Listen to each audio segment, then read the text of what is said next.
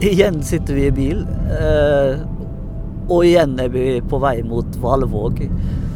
Denne gang for å treffe Einar Økland. Det er jo en mann som leker seg med ord. Som vrir og vender på det norske språket. Og så kommer ut med bøker jevnt og trutt. Han har jo skrevet ja, det er vel ingen som veit helt hvor mange bøker det er, men hvis jeg sier 80, så er jeg ikke så langt unna. Einar Økland er jo en av eh, veteranene i norsk eh, litteratur. Han var med i den eh, kjente profilgjengen sammen med bl.a. Dag Solstad. Og akkurat det der har jeg lyst til å snakke litt med han om. Hva var den her profilgjengen? Og så har jeg lyst til å spørre han litt om Olav og Hauge, en mann som han sto nær, og som jeg sjøl personlig setter veldig høyt. Den store lyrikeren ifra Hardanger. Einar Økland er jo en av de få forfatterne i landet som har fått oppkalt en vei etter seg. For han bor rett og slett i Einar Øklands vei. Skal vi se, skal vi kjøre av her nå? Skal vi se, ja. Bokpod er produsert av Monkberry i samarbeid med Cappelen Dam, og med støtte fra Storytel. Tusenvis av lydbøker på mobilen. Musikk Herman Eide. Er det her du vokste opp, eller? Ja, jeg vokste opp i det huset der oppe, og dette var så løv her. Vi fikk ikke strøm før jeg var tolv år, så det var primitivt. Hest og kyr, to kyr og to griser og en hest og 20, 20 sauer og 20 høner. Det var så vidt det gikk, altså. Jeg... Hva heter gården? Det er tre gårder som en gang var én gard. Det heter Økland, men det var jo en del øklandsfolk som norska opp navnet sitt i 1920-åra til Aukland. Det betyr å legge nytt land til hovedbruk, altså auka øka Ah. Og på dansk eh, så ble det til, til Øglen på Jæren. Det Øgelandet, ikke sant. Så det Økland og Øglen er det samme. Og Aukland. Nettopp. Skal vi inn her, eller skal, skal vi inn der? Nå sitter vi i en slags eh, Hva kaller man det? Det er en slags vinterhage. veldig... Det er strengt tatt et karnapp. Karnapp heter det. Men det er et stort karnapp, og det er et karnapp på hver vegg i dette huset. Så med alle vinkler på grunnmuren så er det 17 det er mange påbygg her. Ja, men altså, det var sånn som arkitekten har lagd det. Jeg hadde en venn av oss som tegna det. Vi har ikke bedt om det. Fasadetegner, sa snekkerne. Vi sitter nå ja. ved spisebordet, men som òg er arbeidsbord. Det er det faktisk, og det er veldig godt, og det er hvitt oppå. Så det får mye lys igjen av det som kommer inn glasset. Et veldig moderne bord. Ja da, det er svært moderne. Står bare på ett bein i midten og er veldig solid. Og det er for at vi skal få plass til våre menneskelige bein under. Men du sitter på enden her, det er din plass? Nei, jeg har plass rundt hele bordet. Jeg flytter rundt bordet etter at jeg jobber her. Men når det er besøk, så kan vi få plass til minst åtte personer her. Og så kan vi sette ei plate i, så får vi plass til enda mer. Men det er sjelden. Hvor mange bøker har du skrevet? Ja, jeg våger ikke telle de sjøl. De sier 80 og litt mer, sier noen. Og jeg syns det er for mange, så jeg skjemmes hver gang det høye tallet kommer opp. Og jeg, alle de bøkene er skrevet mellom sju og tolv? Jeg jobber etter frokost, eller så å si med frokosten i munnen og fram til lunsj. Det hender jeg gir et notat når jeg er ute og reiser og sitter på bussen og sånn, men det er enten er det uleselig eller er det ubrukelig eller ja. Men mellom sju og tolv, det er da det det, det, har vist seg, det er ikke noe planlagt. Det, er ikke noe planlagt. Og nå i, i min på, sånn i moden, moden uh, alder, så har jeg faktisk grepet meg sjøl i å skrive noen sider i titida på kvelden. Jeg har jo aldri jobba nattestid eller kveldstid før. Men nå gjør du det? Ja, jeg har gjort det av og til, men jeg vet ikke om det blir til noe. Så jeg lurer på om det har noe med en total forandring i meg sjøl å gjøre. men det har ingenting med søvnmønster å gjøre, iallfall. Jeg du har alltid vært et A-menneske? Ja. Men når jeg er ute og rangler med folk, så er jeg den siste som legger meg ofte. Hvor er det du sitter og skriver? Ja, eh, altså nå når jeg har uh, lenka meg til PC-en, eh, så er det så langt ledningen rekker der. Jeg bruker ikke sånn en medbrakt uh, skrivegreie. Så jeg sitter i skrivekroken der. Men før når jeg hadde Det Som er rett ved siden av her? Ja.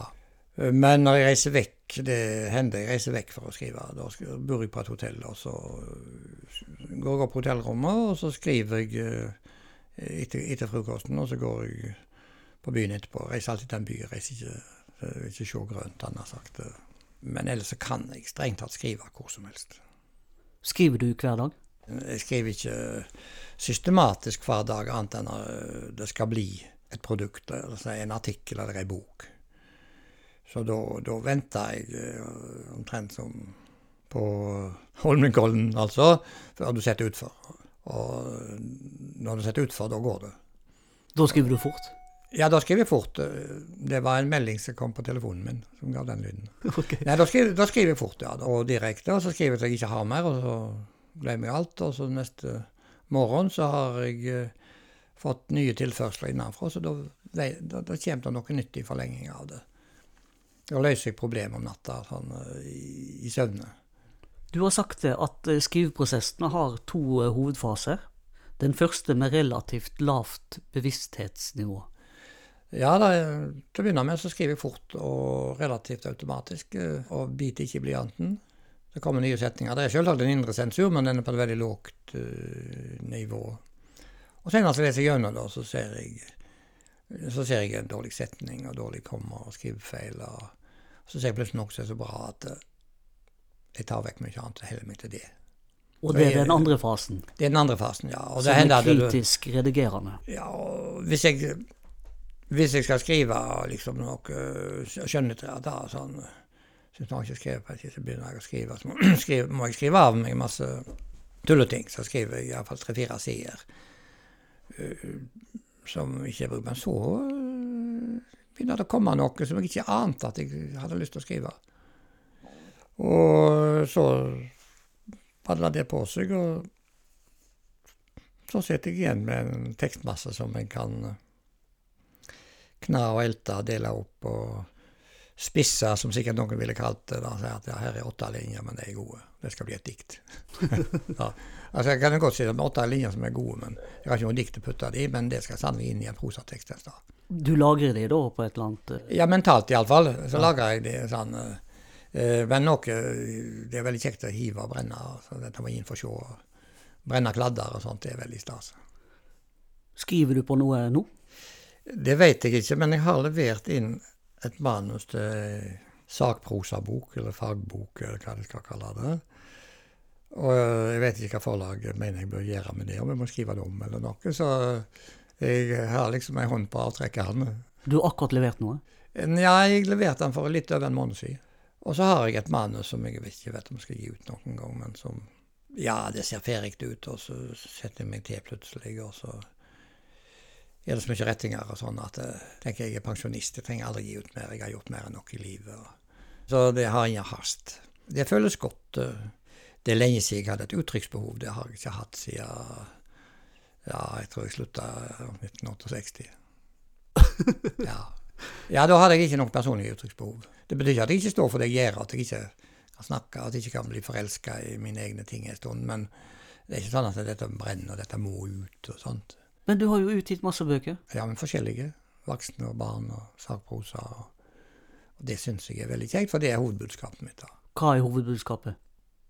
At mennesket er sammensatt og forskjellig og er en ulik du er en ulik person i ulike sammenhenger, eller ulike tematiske sammenhenger og livssammenhenger, og derfor kan du skrive ulike bøker. I stedet for å finne seg sjøl. Nå vet jeg hvordan jeg skal skrive, så nå skal jeg skrive sånne bøker resten av livet. Det var den, en slags kunstnerforståelse som uh, var ute og gikk, som det heter, da jeg startet opp som gamlingene drev. De skulle finne sin stil, finne sin stemme.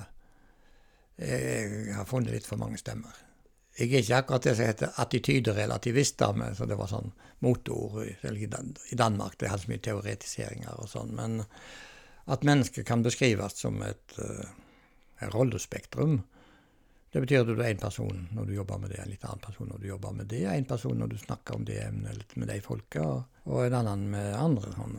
Og det gjør jo de fleste folk uten å gjøre det til noe veldig uh, De tenker ikke på at noen som sannelig være konsekvent. Jeg kan ikke snakke annerledes med forlagskonsulenten enn jeg snakker med butikkekspeditøren eller kelneren, men jo, det kan du godt. Det er faktisk en stor fordel for alle at du gjør det. Det, det er så selvsagt at du uh, tenker ikke på det. Og du snakker annerledes til ungene dine enn du snakker til kollegene dine. Og sånn også når jeg skal skrive om, om noe, så Jeg er ikke så stor rasjonalist alltid når jeg skriver skjønnlitterært, men jeg, jeg liker godt å være tørr og fornuftig og rasjonell ellers. For jeg syns uh, vet ikke folk skylder ha den respekten. Så jeg vil ikke gå rundt som en tulling. Du har sagt at litteraturen er et registrerings- og oppbevaringsmagasin for bestemte historiske erfaringer. Ja, Rent fysisk-teknisk så mener jeg det at det å lage tekst for uh, gjenbruk Når du skriver og trykker noe så, og publiserer det i flere eksemplar, så vender du deg til lesere eller til publikum eller mottakere som er langt vekke. Så det er fjerntale. Muntlighet er nærtale, og skrift er fjerntale. Og det passer meg veldig godt, som er sånn, liker godt å være alene med meg sjøl, men snakker med folk langt borte. Og de som ikke liker dette, de leser det jo ikke, så du får jo da en vennlig kontakt. Så det er jo kjekt. Det du skriver, så er det jo ikke noe vits i å putte hva som helst der. Du må ha noe som du tror uh, vil interessere, eller bør interessere, eller kan interessere, eller ha sin verdi, også seinere, i ettertida. Og da blir jo noe av dette lagra på lager etter forlaget før det blir brent og makulert, eller noe blir lagra i biblioteket før det blir kasta, og noe blir lagra i Nasjonalbiblioteket så å si på ubestemt tid. Og eh, du blir skrevet inn i manntallet i bibliografier og slikt. Det er i prinsippet gjenvinnbart. Det gir et visst ansvar og en viss glede av. Og du må jo tro på at du sjøl har noe uh, å vise til som ikke blir fanga opp av det hit. Og jeg kan ikke peke på hva det er mer i tilfelle til tilfelle. Men det blir da fanga opp av folk som stort sett er alene med seg sjøl mens de leser teksten. Le lesing er i det hele tatt nokså utilgjengelig for andre. De kan ikke vite hvordan du leser, selv om de ser at du har papir framfor deg. Men vi kan godt tenke oss at folk lenger borte, folk i annen tid, kan forkaste dette, men også finne bruk for det. Så den dobbeltsida at du dels skriver for de som kjøper boka her og nå, dels for de som leser den om x antall år, det, det, ligger som en forutsetning i det du gjør. Det er som når du kaster snøball eller stein, altså. Du passer på at ikke det ikke går inn i rutene til folk, men uh, du kan godt tenke deg å treffe noen bakom øret, altså sånn. Og da må du sikte der og ikke der. Har det å bli lest har det vært viktig for deg? Nei, da hadde jeg prøvd å skrive populært. Eh, nei, det å bli trygt og utgitt har vært viktigst. Bære det fram, eh, få det til. Og det, ja, det blir kvitt det, å legge det fra seg. Altså, å, å skrive ferdig noe, det er jo da en formsak. altså det, hvis du mangler slutten på ei bok, så kan du gå og gnage liksom i ukevis. Det er forferdelig. Alt andre er jo så bra, jo, det, 98 er også en bra prosent. Kan du, nei, det skal være 100% for. Du skal avslutte det sånn formmessig. Det gir en uh, kjensle av, av helskap, at du kan legge egget fra deg, altså ikke ha det halvverpt. Det tar seg ikke ut. Så den trangen til å gjøre noe ferdig, den, den har jeg fått et eget navn, vet du, i psykologien. Og det er? Det er en Zeigarnik-effekt, fordi det er en et Zeigarnik som fant ut noe lite, da, nemlig at hva du husker best i livet, og det er det som du er uferdig med. Hun ga folk masse oppgaver. og så, og så de skulle løse, så løste de noen som avbrøt. og så gav de nye oppgaver, og de var vant med at de fikk tid Men etterpå så spurte de om de huska. Ja, de huska det de var på båtene. De ikke fikk ferdig. Og da, Det kunne vi andre tenkt oss, da, men altså, noen må jo gjøre det målbart og sånn i et uh, gjentagbart eksperiment. Så det er ikke noen. Men så fikk hun navnet sitt knytta til det. da. Ja, Men altså, du husker, du, husker, du, du, vil gjerne bli ferdig. Trang til å bli ferdig, avslutte noe. Det var vel Arild Haaland som en gang sa at uh, han skriver bøker av samme grunn som bikkjer pisser på lyktestolper. Han vil vise at han har vært innom. Altså, Hvis du vil ha beundring, så er det én ting som teller ganske mye for forfatterne. Og det er for kollegial respekt. Så kollegial respekt har vært viktig for deg? Ja, særlig, ja, særlig for sånne som ikke du kjenner, kanskje også. Sånn at ikke du, sånn vennskap, at de er hyggelige med deg. Men, Folk du respekterer? Ja, og sånn som du sjøl ser opp til. Det som, som Georg likte å si. det. Georg Johannessen? Ja, Han sa ved noen anledninger, iallfall privat, da, ingen pene piker tar det som en kompliment at en fyllik roper etter de så 'Søt du er, snuppa'. Men hvis det er en de ser opp til, programvert eller en kjendis, så vrikka de litt hyggelig på seg. Og han gav et uttrykk for dette roskompetanse. Altså, kolleger du har respekt for, de har roskompetanse. De vet hvor vanskelig det er, og hva som er godt og dårlig. Men det gjelder jo i mange yrker. Det er at du, du vil gjerne heller imponere en, en annen kokk enn akkurat å imponere en, som ikke har peiling på mat og sånt. En tilfeldig gjest? Ja, en tilfeldig gjest. Ja, men eh, hvis du vet at den andre er en kokk, og en, en som du har respekt for, han sier at dette var, dette var bra, så, så er det bra. Du har ikke lurt noen. Han har roskompetanse? Ja, han har roskompetanse, ja. Og det, det, det, det, er jo mange som har skjønt dette uten å sette det ordet på det, da. Men altså, noen vil selge og tar, eh, tar publikumsoppslutning som en bekreftelse, og det, det kan en jo også. Jeg kan godt forstå det, men uh, jeg har aldri hatt det der for meg. Jeg syns jeg har lurt alle sammen, bare jeg har fått det trygt. Da syns jeg at ha-ha, nå smaug jeg under gjerdet eller hoppet over det. Hadde de visst hva det var, så hadde de aldri akseptert det. Men når du har skrevet mye sånn som, eller mange ulike bøker, så, så glemmer du og til tar jeg fram bøker og tenker steike, dette var bra, altså. Jeg kommer aldri til å kunne skrive så bra mer. Jeg kan ikke fatte at jeg har skrevet så bra. Jeg kan ikke fatte at jeg var så god. Det er litt besynderlig, men det, det, har skjedd meg noen ganger. Hvor mange bøker eh, gjelder det? For din ja, del? Iblant gjelder det bare så å si et par sider i boka. Jeg leser hele boka opp igjen ofte. Så nei, altså, jeg har jo noen bøker som jeg eh, syns de er bra, enten noen liker det eller ikke. Så, men altså Jeg har skrevet noen artikler som jeg er veldig begeistra for. eller sånn, Syns steike, det der er bra, altså. Det var sprekt. Det var sprekt. Det har jeg gjort. og En skrev jeg i Frihetens julemagasin. og det, Jeg vet ikke om Friheten greide å spreie juleheftet sitt, men uh, der skrev jeg en artikkel som var veldig god. Veldig god. Stor. Og ja. Har du sett på den siden? Ja, jeg leste den opp en gang, men da tok det over 20 minutter. Altså. Og det, det, jeg fortalte dette en gang til en uh, kjær kollega som jeg har stor respekt for. Han bare så på Ja, men det er noe av det beste du har skrevet. Hvem var dette? Nei, det er en som heter Dag Solstad. Han hadde roskompetanse? Ja, han, han, sa det bare når han hørte hvordan jeg hadde da skremt uh, et publikum med den. Hvor feil publikum må ha det når vi står og holder våre monologer. Og, ja, jeg har trykt den opp igjen i artikkelsamling. så det, det står noe histe her som uh, lesverdig uh, for meg òg i dag. Vandreduen uh, syns jeg er en av mine beste bøker. Sånn, den. Jeg skal godt forstå at ingen liker den, eller veldig få. Men for meg var det et sånn vendepunkt. Det var en diktsamling? De, ja, det var en diktsamling som kom i, kom i 68, ja. Og da slutta jeg å være personlig. Jeg har ikke noe uttrykksbehov. Skriver upersonlig. For resten av livet.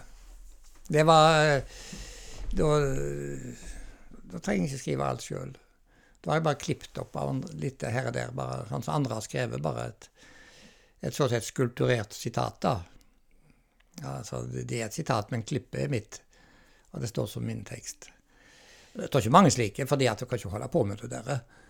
Men jeg gjorde det midt inni det hit, og blanda prosaiske tekster med rimte tekster, og, og veldig variasjon i, i, form og fasong. Ja, nå, nei, vi skrev barnebøker, det var kjekt, og fikk et nytt publikum. Du, du har jo òg vært eh, konsulent i 30 år. Jeg kom på den galeien, eh, men eh, jeg var blitt spurt. Det var jo sånn punktvis ble jeg spurt av forlagssjef Ånderå på Samlag. Eh, slutten av 60 år, 68, i alle fall 69. Det var kjekt å tjene penger når du først ble spurt om noe. Så du Som konsulent, hva er det man ser etter? Du ser etter to ting. Du ser etter den som har lagd det, og så ser du etter hva stadium er dette på. Er det, er det nesten ferdig? Eller er det sånn at ja Det er helt ubrukelig, men altså dette er en storarta skribent. Det kan du se, eller dette er dette vil mange synes er bra, men gud hjelpe meg så bra det blir hvis han bare gjør sånn og sånn og litt grann slik, og tar vekk det eller flytter på det. Så du ser jo, det er absolutt uh, både ballen og mannen, begge deler. Uh, det, men det, det, det, er ikke planlagt, det, det, er alt du begynner på null fra gang til gang. Og gruer deg veldig for å lese det. Jeg misliker sterkt å lese manus og sånn, og uffer meg og gruer meg. og Gjør det bare for pengenes skyld, men når jeg kommer inn i det, så blir jeg uh, part i saka det er veldig kjekt hvis det kommer noe bra ut av det. Men ja. sa du at du så hvem som hadde skrevet det? Jeg mener ikke jeg mener hva persontype, da, om det er en forfatter eller bare en som kan skrive. Ja, for det er forskjell. Ja, og der er jo vi forfattere litt sånn eh, irrasjonelle. Vi kjenner hverandre igjen litt eh, sånn på lusa på gangen og sånt. Ja, hvordan? Ja, du kan f.eks. være dårlig i rettskriving, og kanskje til og med komposisjon, og likevel ha i røyst et grep på emnene dine. En vinkling. Et observasjonsgrunnlag. Har noe, så du har sett noe som kanskje ikke er så vanlig. Selv om du ikke klarer å formidle det? Ja, ja. Sånn. Og da, som regel greier de å formidle hvis de bare legger, får vekk uvanene, altså mudderet og sånt. Så, eh, for de fleste har jo som regel et språk, altså sånn, det har de jo.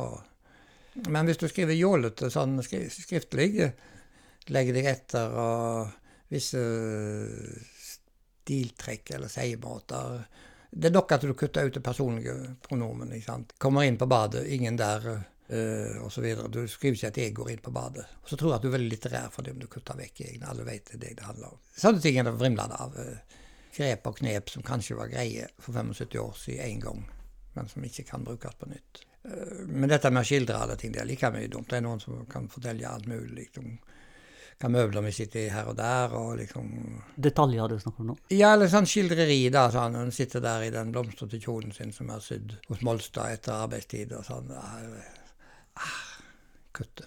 Bare skal vise at du kan uh, gått rundt og drevet research, tatt notater og sånn. Da, i, i, I fiksjonslitteraturen og sånn, så kan du kvitte deg med veldig mye sånt.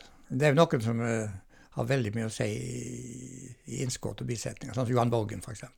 Har to punktum på hver side. Knapt komma. Det er fantastisk. altså. Det, Var du ironisk nå? Nei, tvert imot. Men eh, det er ikke nok å kopiere, for du skal være minst like god som han for å gjøre det. Og hvis det bare blir en stil, noe du har tatt på deg, så, så, så ser en jo plagget mer enn mannen, altså, dama. Alt dreier seg om å få folk til å lese videre og forføre folk. For ikke glemme hva de leser, eller, og likevel lese videre. Og noen gjør det med å skrive spartansk og tørt og kort, og noen med å skrive blomstrende, og noen med å skrive slyngete. Men så skal du i tillegg vite hva andre har gjort. Det, det er forbannelsen, da. Det er hele modernismen, det, vet du. Egotrippen rundt ut på 1700-tallet. Da kom modernismen, og da skal det være noe nytt. Nyhet blir en, en verdi. Altså, finne på noe annet og nytt. Kunstnerjeget og kunstnerego og ditt og datt sånn. Og det forbannelsen ligger over oss hele tida. Og så gjelder det da å viske ut det der likevel. Så ingen vet det. Du har bare lest en storarta-bok og sitter på lurebok, og kan det mennesket være som skrev dette. Da, sånn. For det glemte du mens du leste. Å ja, du er flink. Gjøre seg usynlig. Og likevel annerledes eller interessant. eller sånn. Litteraturen skal jo utvikle. Ja, det får han passe på sjøl, her litteraturen. Men altså, du og meg og min bok, altså. Hvis vi greier å holde koken, og her var i grunnen ingenting nytt, men steike så interessant det var. Det å lage gull av gråstein er en stor kunstnerisk ting, vet du. Det, det er ikke alltid det lykkes, nei. men, eh, men altså, en, en ser hvis det er noen som har noe med seg. Forleggerne har skjønt det, at eh, de må ha en sånn en uh, bordhund eller blindehund som kan sniffe opp uh, altså Sånne konsulenter kan ikke gi oppskrifter på suksess. Det, det må passmannen gjøre sjøl. Nei, da må du gå til, til et sjangerforlag som lager sjangerlitteratur. da. De, de vet hvordan en krimbok skal være, og hvordan en kjærlighetsroman skal være. Og, så det kan jo læres. Og det er en del forfattere som har levd av å skrive sånn, da. Og det, det er greit nok, det, men uh, det er ikke så godt å hjelpe de Sandemose sa jo at jeg kunne skrevet fire middelmådige romaner hvert år hvis ikke jeg hadde skam i livet. Du sier det i livet? Ja, ja, og det, det er noe med det, altså. En vet såpass om hvordan visse ting skal gjøres. Og det er en hel del som har gjort det, men du skal til gjengjeld stå tidlig opp og skrive flere timer per dag enn jeg gjør. For de skrev jo iblant fire bøker i måneden, noen av disse her eh, kjente uh, serieforfatterne. Og det storarta, det, altså. Storarta, det. Men uh, jeg kunne ikke hjulpet deg med, med mye, nei. nei. Men du, nå skal vi litt tilbake i tid her. Er du født på gårdene? Ja, der som jeg eh, ble født, der sto ektesenga, eller dobbeltsenga til mine foreldre. Det var soverom da, det er kjøkken nå, så jeg står og lager middagene mine der som jeg er født. Så jeg er heimføding i de fleste betydninger av ordet. Foreldrene mine de kom her til i 1933 som nygifte. Far min var sønn til en kretturhandler og bonde. En veldig eksotisk og dyktig mann som hadde lånt 50 kroner til til livet og kjøpte krettur og solgte de, betalte tilbake lånet og fortsatte å handle. Og han gikk til fots 20 år på rad herifra og til Oslo med fe som han solgte østpå. Og beita de over og kom inn Drammensveien om natta, fortalte han meg. Og så var det oppover Kirkeveien til Vestre Aker gård og så solgte de det vel til som kjøtt da, til slakterne rundt forbi, og så måtte de vente noen dager før de fikk oppgjør. Og da skulle han hjem igjen med Sørlandsbanen, og så hendte det ikke det var der da, så han fikk ikke betaling. Dette husker han fremdeles da han var gammel. Men iallfall far min var sønnen til han. Så det var gift i 20 år, da fikk de stakkars meg, og, men akkurat da fikk de også krigen. Så jeg var enebarn. og Far min var småbruker og uh, sjåfør, men han hadde også, han slutta som legesjåfør mm, siste livsfasen. Da han, hadde han drosje og en lastebil. Og så hadde han den lokale trygdekassen en dag i uka var han på kontor. Du kunne lese før du begynte på skolen? Ja. Det kunne faktisk de andre som begynte på skolen det året også, så jeg gikk eh, men jeg begynte et år for tidlig, så jeg var kanskje litt tidlig ute. Sånn, jeg var seks år da jeg begynte på skolen. Husker du hvordan du lærte å lese? Nei, jeg kan ikke huske selve de greiene der. Jeg begynte å tegne bokstaver da jeg var tre-fire år, ser jeg da. Sånn, eh, men eh, Nei, jeg husker ikke det. Og, sånn, men Leste de mye hjemme her? Nei. Det gjorde en jo ikke på bygdene, men det var jo bøker i huset. Og mor mi skrev brev i øst og vest, og hun las jo en del bøker. Det gjorde hun jo. Men hun var en veldig skribent, eller skrev da. Hele livet skrev hun tre-fire brev hver dag i øst og vest og las aviser. Og det var ikke sjølsagt. Men du sykla rundt på gårdene her og lånte bøker? og ja, har jeg lest? så fort det kom sykkel. Men den kom i 49. Da var jeg ni år. Da hadde mor mi råd til å kjøpe en brukt sykkel. Det var helt jeg som brukte den mest. Og da sykla du rundt og lånte bøker? Ja, til alle de som var på skolen, og litt de som var eldre, da, som ikke gikk, men som visste de hadde bøker hjemme. Så da la seg jo ut uh, skolebiblioteket etter hvert, og alt de fikk til jul, eller som det var i heimene etter Eh, andre unge folk som hadde reist vekk. Det var jo noen rester. og Noe fikk de fra byfolk av og til, sånn gjenbruksbøker som ble sendt til bygdafolk, bygdaslektningene. Uh, de las uh, alt, får jeg si. Far din døde da du var sju, sju år. Ja. Hva du husker av han? Ja, jeg husker jo episoder og slikt. Uh, altså samværsstunder, men jeg husker ikke veldig mye. Han hadde en hemmelig radio, så jeg hørte røyster på soverommet. Jeg sov oppe i, altså i, den gamle delen av huset, og foreldresoverommet var nede. Og jeg visste ikke hvem som snakket. Jeg kom ned trappa, og så sto der altså det som viste seg å være en radio. Så sto han på gulvet framfor senga og snakket. Så det husker jeg jo uh, godt. Og så fikk han ganske fort jobb, eller sånn altså i fredstida. Så kom han i uniform da, med armbind og sånn hjemmefronten. Og, men så fikk han lov å kjøpe bil, det var jo rasjonering på biler. Mens han var yrkessjåfør, så fikk han kjøpt en lastebil. Som var krigsbytte av staten, da. Så det var legalt, og da var jeg med han i det der huset som du står parkert framfor nå. Inni der hadde han en bulldog, som det heter. Altså ikke du hadde panser framme, men gikk rett ned. sånn, Avkutta. De kalte de bilene for bulldog. Men den hadde ikke lastekasse, så den måtte han snekre. Eh, og så minnes jeg at han kom med en sånn nødrasjonering som amerikanerne gav. En brun, voksa, firkanta øsje, og oppi der var det sjokolade. Og jeg fikk da sjokolade for første gang, og jeg likte ikke sjokolade noe særlig godt. Så jeg har aldri vært noen veldig sjokolademann. Men jeg husker han trodde at det var toppen for unger. Så husker jeg han var marsjerte når kronprins Olav som kom til Haugesund. Og da skulle heimstyrkene paradere og noe sånt. Og så jeg har et bilde av han også, og så, og da var jeg på kafé med han, og jeg husker at jeg skulle kjøpe noe veldig fancy til meg. To ting. Og det ene var fiskepudding som lå oppå ei skive, sånn smørbrød. Og så var det en rødbet-bit oppå der. Det så veldig flott ut. Og jeg kasta opp vet du, så fort jeg hadde fått til inn. Jeg har aldri likt fiskepudding og aldri vært tilhenger av rødbeter etter den tid. Og så kjøpte han iskrem til meg, det var der også. Og da gulpa jeg også. Jeg har aldri likt iskrem. Ikke iskrem, ikke fiskepudding, ikke rødbet og nei, ikke sjokolade. Men, Men til gjengjeld har jeg aldri hatt allergier eller sånne ting. Men Vi hadde aversjoner i vår tid, pleier jeg å si. Vi hadde ikke allergier.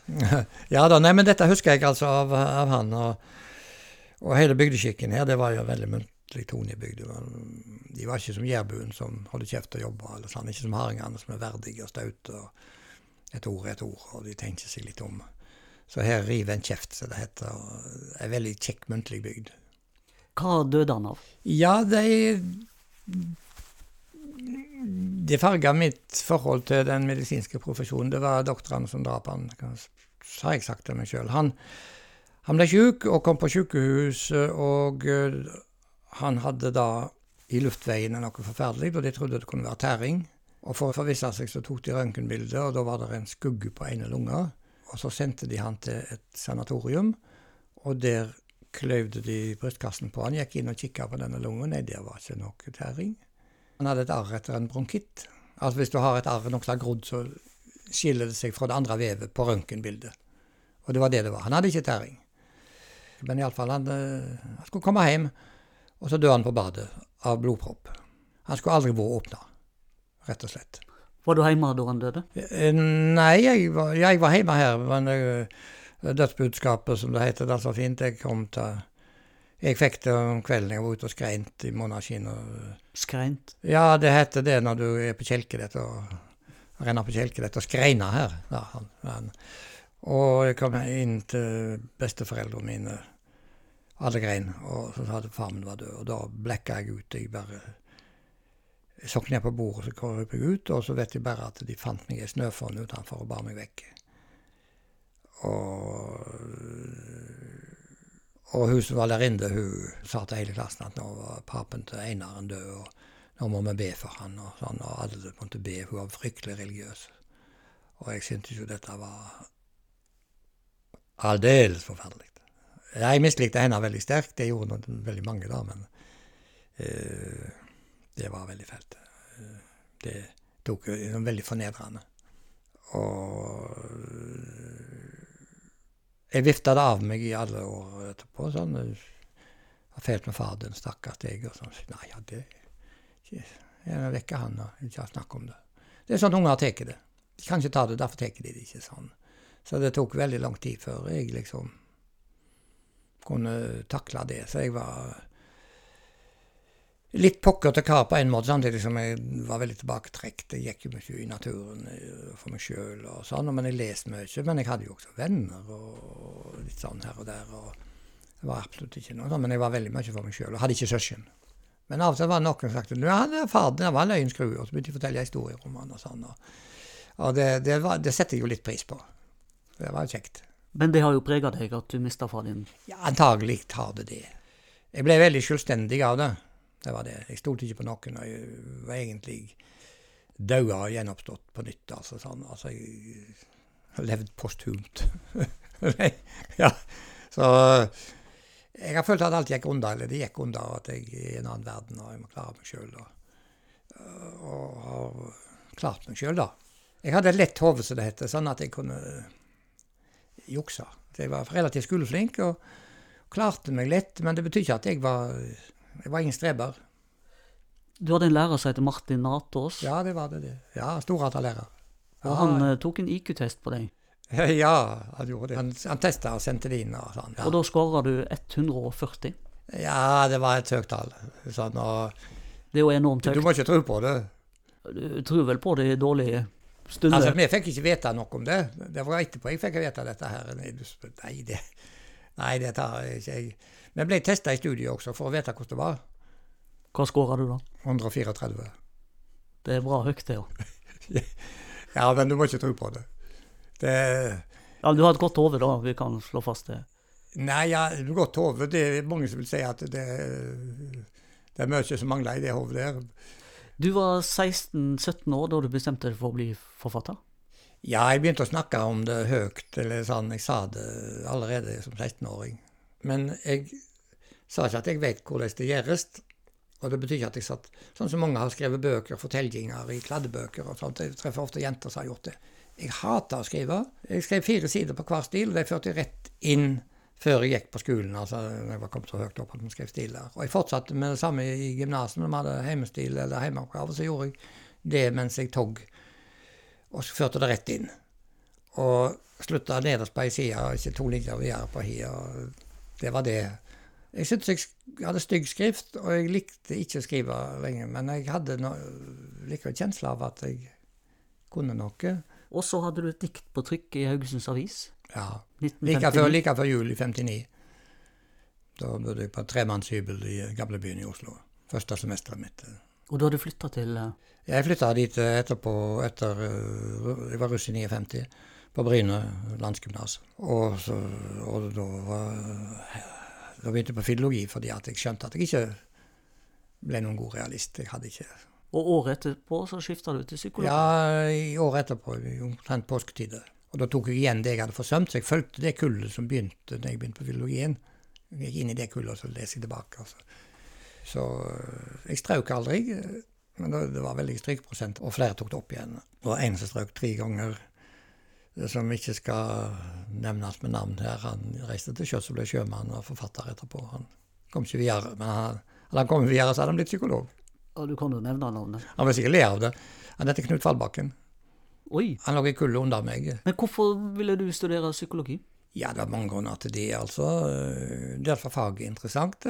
Og dels var framtidsutsiktene sånn at det var litt psykologer i Norge. Du fikk være i fred.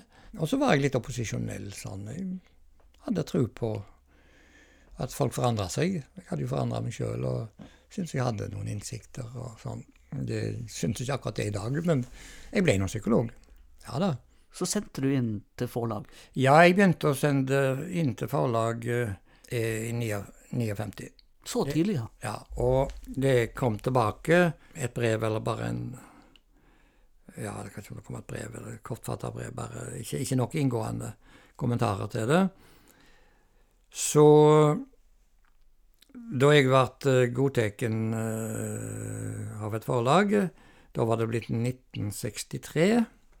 Og, og det var Cappelen Forlag. Da hadde, da hadde, jeg altså sendt fra meg ting ja, 16 ganger, tror jeg det var. 16 refusjoner? Nei, 15. Den siste var ikke en refusjon. Ja, det, det, det kom iallfall ut der. og Jeg debuterte da, og det var eh, bunnåret i norsk litteratur da. Det var bare to lyrikkdebutanter det året. Og det var så dårlig at de måtte lage uh, kulturråd og innkjøp, og det kom i stand i 65. Det var ingen innkjøpsordning den gang. Det var en diktsamling som heter En gul dag. Ja. Husker du mottakelsen? Altså, Det jeg husker best, det var uh, Olav Dalgard i Dag og Tid, tror jeg, som var begynt å komme med noen nummer. Da skrev han som overskrift på meldinga 'Einar Økland debuterer'. Jeg kjenner jo ikke Dalgard, og han kjenner jo absolutt ikke meg. og det, Han omtalte meg da som om jeg var en kjent person. Endelig, liksom. Ja, det husker jeg. Og så husker jeg, hadde, jeg kjøpte jo ikke aviser eller jeg gikk rundt i Akersgata, der hang de jo dagens aviser ute, så jeg kunne se hva står der i dag, står det noe om meg. Og jeg kan huske den der som lå nede på hjørnet eh, der som Lillegrensen kommer ned. Der var det vel Morgenbladet hadde noe på trykk der. Og jeg las feil. Det var en som meldte meg, og jeg tror det var stor i overskriften. Jeg, jeg kjøpte iallfall aldri den avisa. Altså, der hvor jeg ikke er, der er lyrikken. Men så var det altså der, der hvor jeg ikke er, der er lykken. Det er liksom et kjent sitat fra en eller annen tysk klassiker. Så det er det jeg, det er det jeg minnes uh, av det. Uh, rett og slett av selve uh, debuten. Men jeg hadde ikke snakket med andre forfattere før, fordi jeg var ikke noen sånn som klengde meg innpå. Jeg fant en her i VG. Den var jo veldig krass. Arne Hannevik. Å oh, ja. Ja, ja. Svak debut, skal skrev ja, ja, ja da. Ja, det, ja da. Det er fantastisk at det diktet står sitert der. Det har da vært trykt i flere lærebøker enn Black and Decker, eh, teksten min. Det var en klassiker. Jeg har fått så mye penger år etter år fordi de brukte samme leseverk opp igjen opp igjen i, i gymnaslesebøkene. Du må lese det diktet. Tei med de von, Tal med de hand, ikke til stjerner, til sand. Gleim du har kjærleik. Hugst du har hat, ikke lag songer, lag mat. Munner skal mettast, krefter skal strøyme. Når alle er vakne, da skal vi drømme. Så dette er da altså samfunnskritikeren som er der, da. Og her står jo bare det at uh, hold kjeft og gjør noe skikkelig, liksom. Kan telje sand eller noe sånt. Og en drømmer jo kan vente til alle er vakne, og nå forstått, det blir lenge til. Uh, så, så, så, sånn sett så, uh, så var det Han har følt seg truffet. Men jeg kan ikke si jeg husker det. Men han hadde ikke roskompetanse. Du var blyg på den tida ja da, jeg var nokså blyg, men jeg var ikke Jeg var ikke, jeg var ikke underdanig. Du sendte jo denne diktsamlinga ett år etterpå til Olav og Hauge. Jeg setter jo veldig pris på Hauge som forfatter, og jeg las jo Jeg prøvde jo å lese det som var av norsk lyrikk, jeg. Men jeg hadde jo ikke snakket med Hauge, nei, og sånt. Og han var i mitt hus før jeg var i hans. Du må snakke inn i mikrofonen. Å oh, ja, oh, ja, da, ja. Ja, ja da, nei da. Han skrev det, du sendte den i oktober 64, året etterpå. Økland sender meg ei bok og brev, det er jeg takksam for. Og så skriver han under To ting skal han passe seg for, brennevin og kvinnfolk. Får de tak på deg, er det ute med freden. Ja, ja. Det, han tok seg gjerne en skjenk, han, og, og damene likte å komme til han òg. Du skrev i brevet der så skrev du, når jeg leser dikta dine, kjennes det ikke så verst ut å være en sur vestlandsmaur. ja, ja. Nei da, det kjennes ikke så verst ut. og Det gjorde at jeg fikk kontakt med noen andre litt om litt. Det tok noen år. Men han var veldig begeistra for boka di? Jo, jo, det må han få lov å være hvis han var det, men uh... Makeløs, frisk og fin diktsamling. Du leser henne på ti minutt, men da hender det noe vi får høre mer fra denne unge mannen, vær viss. Ja, ja. Det, det Dette har han vel sagt til seg sjøl, og ikke til meg. da, sånn, fordi, ja, Dette har han skrevet i dagboka ja, si. Ja, da, nei, men uh, forfattere snakker ikke sånn til hverandre, så Så, så fortsetter han her. De unge ser klart, ikke gjennom de gamle vaneaugo. Uh, nei, det kan kan være det. Jeg eh, syns de unge kan være dumme òg, for å være litt kontrær. Så det er, eh, det er eh, Men det var fine ord, da? Ja da, men, men Ja da. Ja da, nei, det var Det var, det var jo kjekt å, kjekt å kjekt å vite. Han likte enkelte ting som andre ikke likte. Han hekte seg opp i. Jeg hadde en sånn suicidaldikt. En som hopper i havet og tar livet av seg. Um, så handler, så står det i diktet. Jeg vet ikke hvorfor jeg har skrevet det engang, men iallfall bare fordi at han har fått en gave. Han tålte ikke få gave. Tålte ikke sin egen takknemlighet. Det, det, det har Hauge Ja, det har han sagt til meg òg. På den tida her så hadde ikke du så mye kontakt med andre forfattere? Nei, det hadde jeg absolutt ikke. Disse som jeg da kom til å møte, de, de hadde hatt flere år for seg sjøl. Derfor Jan Erik han har vært refusert mye mer enn meg. Jan Erik Vold? Ja. Og Dag var refusert uh, når jeg traff han. Nei, altså, de, de, de, de hadde sine historier, og, og møtte så å si i felles uh, Opposisjon? Ja, jeg kan kalle det så fint. Uh, misnøye. Men altså, de, alle var ulike. Det var det som Ingen hadde lyst til å se en kopi av seg sjøl, tror jeg. I 1968 ga du ut Vandreduene. Ja. Og denne fikk Olav Å. Hauge, og han skrev De unge er galne, verre og verre, betre og betre, jau her er det mykje godt, framifrå godt. Ja, ja, jeg er jo enig med han i det, at det er mye framifrå godt, men altså Han er jo ikke akkurat uh, publikumsrøyst, uh, Olav Hauge. Så det er vel ingen av bøkene mine som har uh, liksom på en måte vært større stillhet omkring enn den. Eh, sånn, men jeg, for meg er det et utgangspunkt, så der viste jeg alt, alle mine kunster, så å si. Jeg slo ut hele Påfuglhallen.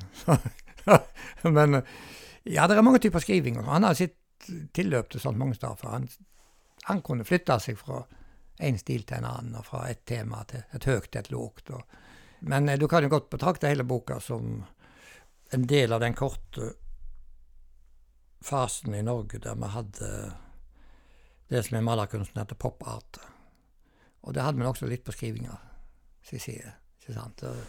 Både Pål Helge og Jan Erik og jeg skrev jo delvis dagligdags trivielle emner uten å skrive tungt om det. ja. I, ikke sånn dødsens seriøst at her er jordas midtpunkt, og her står jeg og kan ingenting. og sånn. Det var ikke den typen ting. Det, det var mer snev av leik og lystigheter, krusedull og ornamenter. Du flytta til Grorud? Ja, etter å ha bodd i Husbygrenda i et par år. Og det var i Vestbyveien 10, så bodde du? Ja, det, var, det er Grorud-adressa. Og så kom Tor Obrestad, han var i nummer 11, og Pål Helge Haugen i nummer 12.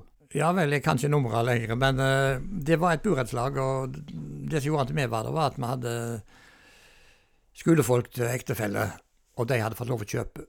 Men uh, det var den gang så dyrt at mange Vi visste ikke om vi skulle redde oss neste, uh, neste avdrag, altså. eller sånt. Det, var, det virka veldig dyrt. Det viste seg selvsagt at det var ikke dyrt, det var en god investering. Du ble heimeværende, du? Da var kona mi blitt gravid. Og vi venta barn i mars, var det vel. Og hun måtte ut i jobb, for den gang var det bare måneds, nei, tre måneders fødselspermisjon. Og så hadde regnemeisterne i medisin bomma på datoen, så hun tok seg fri en måned for tidlig. Og barnet kom bare ikke. Hun gikk en måned over tida, som det heter. Og da ble det mindre igjen før hun måtte på jobb. Så jeg begynte med det som jeg har holdt på med resten av livet, å jobbe svart for meg sjøl. For altså, hvis jeg skulle leid en dagmamma eller leid noe, så måtte, ja, så måtte jeg ut og tjent dobbelt så mye. Men jeg betalte jo ikke skatt av mitt eget arbeid. Og jeg skriver jo ikke hele dagen likevel. Og så så jeg jo på de husmødrene som gikk hjemme. Det var jo ikke noe heldagsyrke å være husmor. De kunne jo tatt et grunnfag og to den tida de hadde småbarn. De sto utenfor rugga på barnevogna og sånn jeg gjerne liker å si de sto der og røykte, for det gjorde de også. Jeg må ikke si sånn, sier kona mi. Sånn, de røykte vel ikke alle, nei, nei, men de sto der og preikte. Og dagen gikk, og de mislikte sterkt at det var en mann som også hadde ei barnevogn. Og så gikk jeg, tok barnevogna med og handla og fiksa middagen, og likevel gjorde andre ting. Og da eh, skrev du på romanen eh, 'Amatøralbum'? Ja, det gjorde jeg. Eh, den skrev jeg der i 69, var den ferdig. Den, den ble skreven i det huset der inne. Da hadde jeg med jeg hadde med en unge, iallfall. Jeg vet ikke om jeg hadde med to. Og satt her og skrev på et lite rom som nå er veggen revet i. Og der satt jeg og skrev og lagde amatøralbum.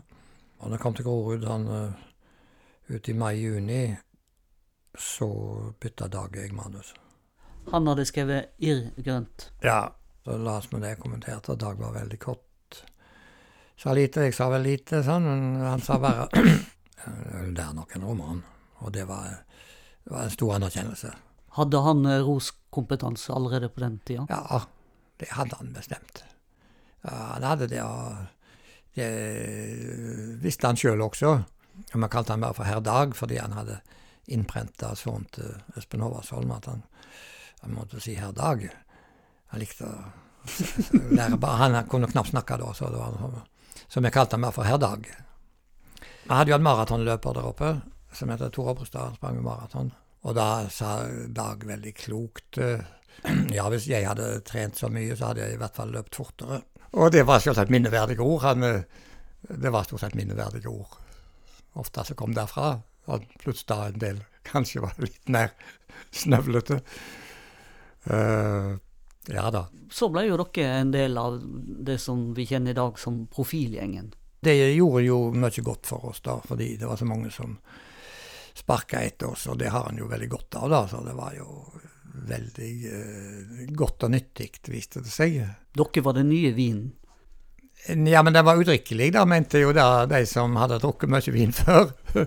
så men dere okkuperte et uh, annet magasin eller en annen redaksjon? Det var et uh, Machtübername, så det heter. Maktovertaking. Det var et studenttidsskrift som uh, egentlig skulle gis ut av filologistudentene. og Det fikk gratis kontor på Blindern av Studentsamskipnaden. Og det ble da omdanna til et uh, unglitterært tidsskrift, og ikke til noe med filologi å gjøre, av oss, kan du si. Og de hadde ikke peiling på litteratur, de som var der. Og så troppa en del av oss opp på kontoret en dag der og så sa at gi oss nøklene, vi skal overta nå. Men eh, ja, så satt vi der da og redigerte temanumre og andre spesialnumre. Var dere sinte unge menn? Noen ville ha det til det, og vi var nok kritiske. Men hvis du skal ta grunnstemninga, så var den jo lystig. Ja, den var til dels respektløs og lystig. Og alle var spent på hva de andre gjorde. Som regel så hadde ikke flertallet sett hva de andre leverte på trykk før det kom på trykk. Altså Det var ikke sånn at vi stemte om dette skal inn eller ikke. Og, og det spriker til mange kanter. og det skjønte jo da ikke verden, for å si det sånn, og det var den store velsigninga. At alle var ulike. Det tok litt tid før de skjønte det, at det var eh, stor forskjell på Jan Erik Vold og Dag Solstad. Dere hadde jo et uh, politisk program, nesten. De gamle, råtne trærne i litteraturskogen må vekk for å gi plass til nye spirer. Snauhogst anbefales. Jeg vet ikke hvem som har sagt det, det, det kan ikke være mine ord. Det er vel en del av programerklæringen her?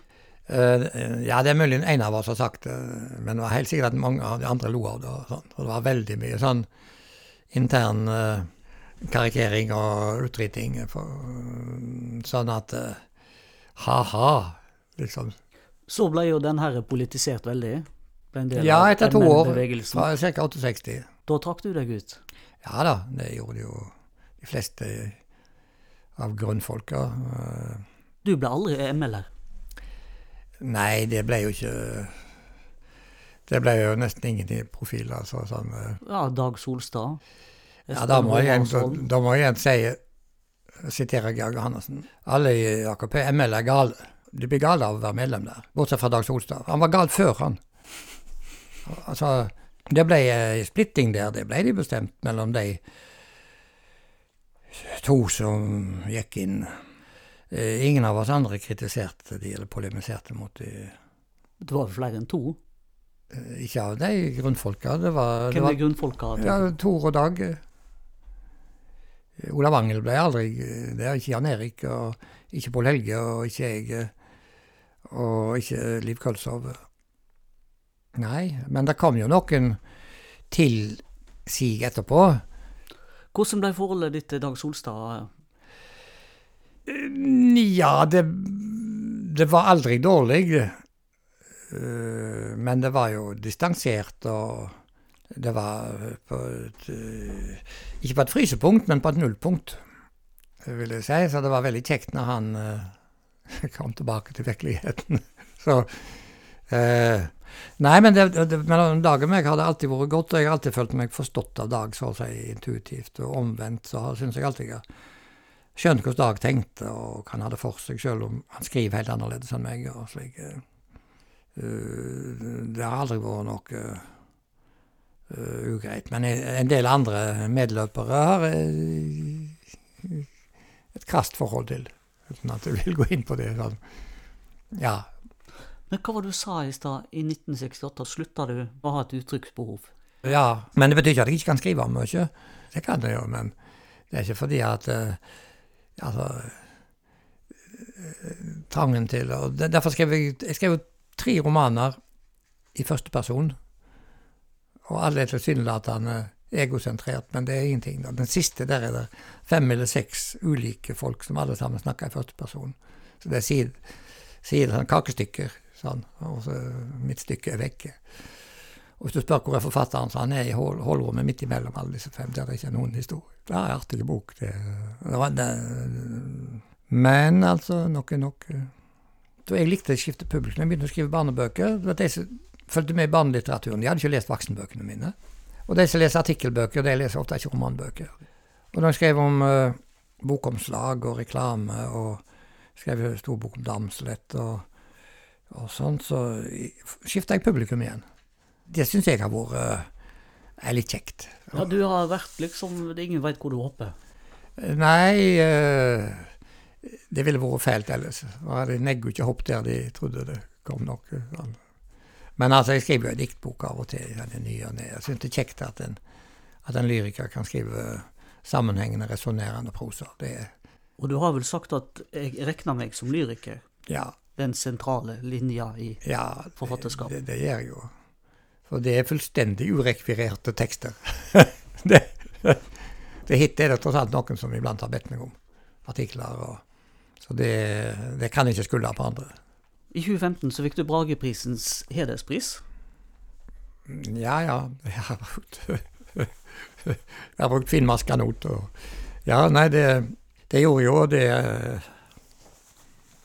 Det er greit, det, altså. Sånn, det, Det ble sagt at eh, han er blant de få forfatterne som kunne vært dominert i samtlige klasser. jeg slår et slag for mangfold, ja. Det gjør jeg nå gjerne. Sånn, og, men jeg tror nok jeg hadde sleid det, selv om ikke det var så viktig. Jeg, har arbeidsglede, og så er jeg litt for rastløs, og så samtidig er jeg doven, så jeg gjør det som jeg syns jeg kan, eller ja, får sjanse til. Sånn, Og ja, det øh, I 1969 så skrev Olav H. Hauge dette om deg. Økland tårer de få andre tårer, hoppa ut i havet uten å kunne symja. La meg seia det slik, alle lærer meg visse standardting. Rødt, grønt, svart. Det er en veg. Og om folk, dei er slik og slik. Stutt sagt, været er slik og slik. Folk tenker slik og slik. Vi ser det i bøkene. Men utanom denne storvegen folk flest gjeng, fins eit umåtelig umkverve, et omland. Der held Økland til. Ja, jeg tror det er en eh, rett observasjon, altså, det med omlandet, da. Eh, men eh, ja, når han sier du hopper i havet uten å kunne svømme, så kan du like gjerne gå videre og si at han går på veien uten å kunne gå. Nei, jeg er opptatt av det jeg ikke kan. Eller det jeg ikke vet noe om, eller noe slikt. Eh, ja, litt forvetenskap og litt uh, Ja, ikke det kjekt. Og så syns jeg eh, kanskje det er som det bør være. For det er så mange andre som kan det hit. Så Du har gått dine egne veier. Ja, det er forferdelig å svare ja på det, men det er litt grann det sant eh, i det. Da. Sånn, det var jo Det står jo i det første jeg fikk trykt, så jeg kunne jo holdt kjeft etter det. Det første diktet jeg fikk på trykk i 59, der står alt dette. I Haugesunds Avis. Ja, Det står på riksmål, da. På bokmål. Mine veier er mange. Jeg går dem aldri. I hvert fall ikke til endes. Jeg søker på tvers, og slår ofte leir, og sover i gule blomster, helst der hvor ingen kommer. På min ferd gjennom livet, på let etter noe jeg aldri har sett, trør jeg varsomt til gresset, og morgenen etter er sporet mitt vekk. Det, jeg synes jo, Hvor i himmels navn tar en 19-åring det derfra? altså sånn. Det ble veldig imponert av meg sjøl, altså, av de tinga du har i deg som lager sånne setninger. For jeg hadde jo ikke tenkt uh, i de baner. Det var liksom uh, Så du får Ja, ja, nei, så Nei, det er et artig dikt, uh, så det kan jeg utenat. I dag. Jeg kan ellers ikke noe utenat. Uh, så, så, så, så det kom jo sånne tekster når jeg trodde jeg skulle bli norsk prosaist. ja, sånn Ja, ja. Det var skummelt det der med hodet. Ja, ja. Ja, ja.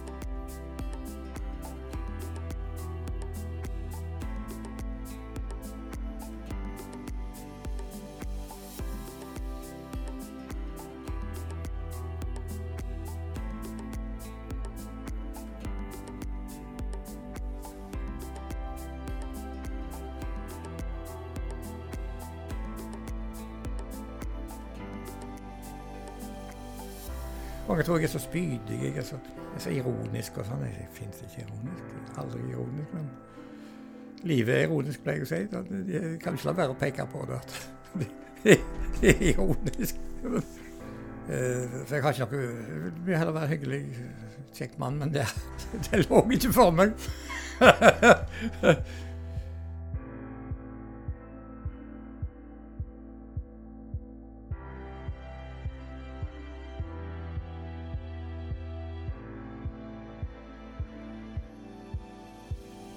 Og neste uke i Bokpod, da er det Gro Dale.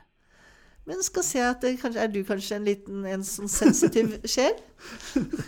Det er ikke sikkert du er helt over på aspergeren, det kan hende at det er mer den sensitive og sosialt følsomme. Det er fint. Fint sted å være, det. For det er flere positive ting enn det er negative ting med, i forhold til å ha asperger.